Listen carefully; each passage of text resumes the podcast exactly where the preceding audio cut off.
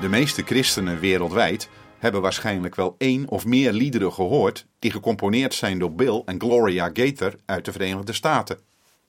Een van de bekendste liederen van de Gators heet Because He Lives, I Can Face Tomorrow. In het Nederlands vertaald als Omdat Hij leeft, ben ik niet bang voor morgen. Daar gaat u straks naar luisteren. Bill en Gloria Gator schrijven al jarenlang christelijke liederen. Ze gaven les op dezelfde middelbare school en toen ze elkaar leerden kennen, begonnen ze al snel met het delen van hun ideeën over christelijke composities. Gloria, die een universitaire graad heeft in de Engelse taal, zou in de latere jaren de belangrijkste schrijfster worden van de teksten van hun liedjes, terwijl het componeren van de melodieën de grootste kracht van Bill is.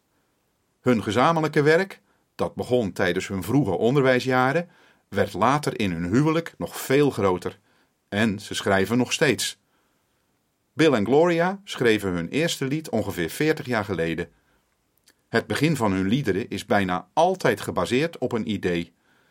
Meestal schrijft Bill een melodie en heeft daarbij al een idee voor een tekst. En dan schrijft Gloria de woorden op. Op sommige momenten echter, zo schreef Gloria in haar boek Fully Alive, heeft zij zelf een idee en werkt zowel tekst als melodie uit. Ze hebben samen ongeveer 600 liedjes geschreven en 60 opnames en diverse musicals gemaakt. Het leven van de Gators is niet altijd gemakkelijk geweest. Tijdens de late jaren 60 van de vorige eeuw, terwijl ze hun derde kind verwachten, maakten ze een traumatische tijd door. Terwijl Bill een ernstige ziekte te boven kwam, waren hij en Gloria en andere leden in hun kerk het onderwerp van valse beschuldigingen en kleinering. In het bijzonder voor Gloria was het een tijd van angst en pijn. Tijdens alle aanvallen op haar gezin eiste de gedachte dat zij een kind in de wereld zou brengen een zware tol van haar. Ze herinnert zich dat Bill en zij op een oudejaarsavond met angst en beven in hun woonkamer zaten.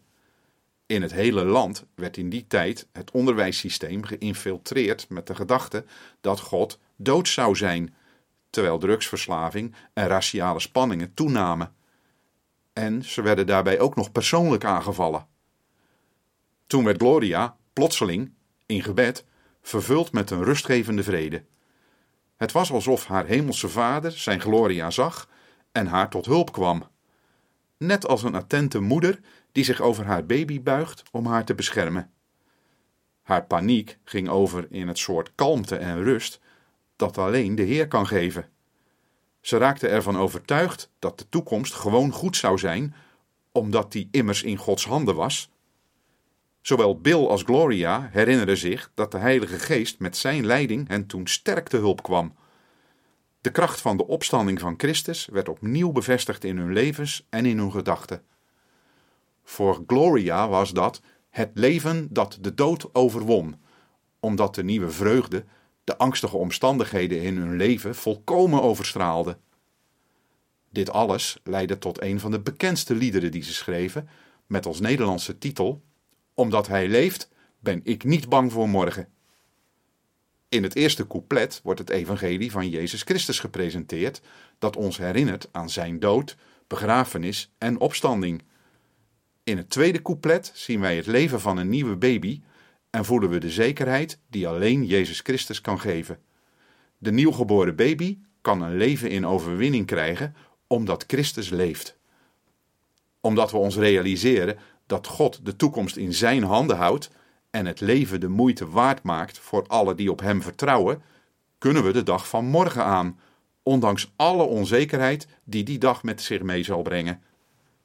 Als we denken aan de opstanding van Jezus Christus, dan krijgen we zekerheid en kracht om de angstaanjagende obstakels van het leven te overwinnen. Het is voor ons ook zinvol en krachtgevend om te bedenken dat Jezus elke dag in onze harten wil leven. Dat alles spreekt uit het lied Omdat Hij leeft, ben ik niet bang voor morgen. Luistert u naar de uitvoering door koor en samenzang in de Martinikerk te Franeker.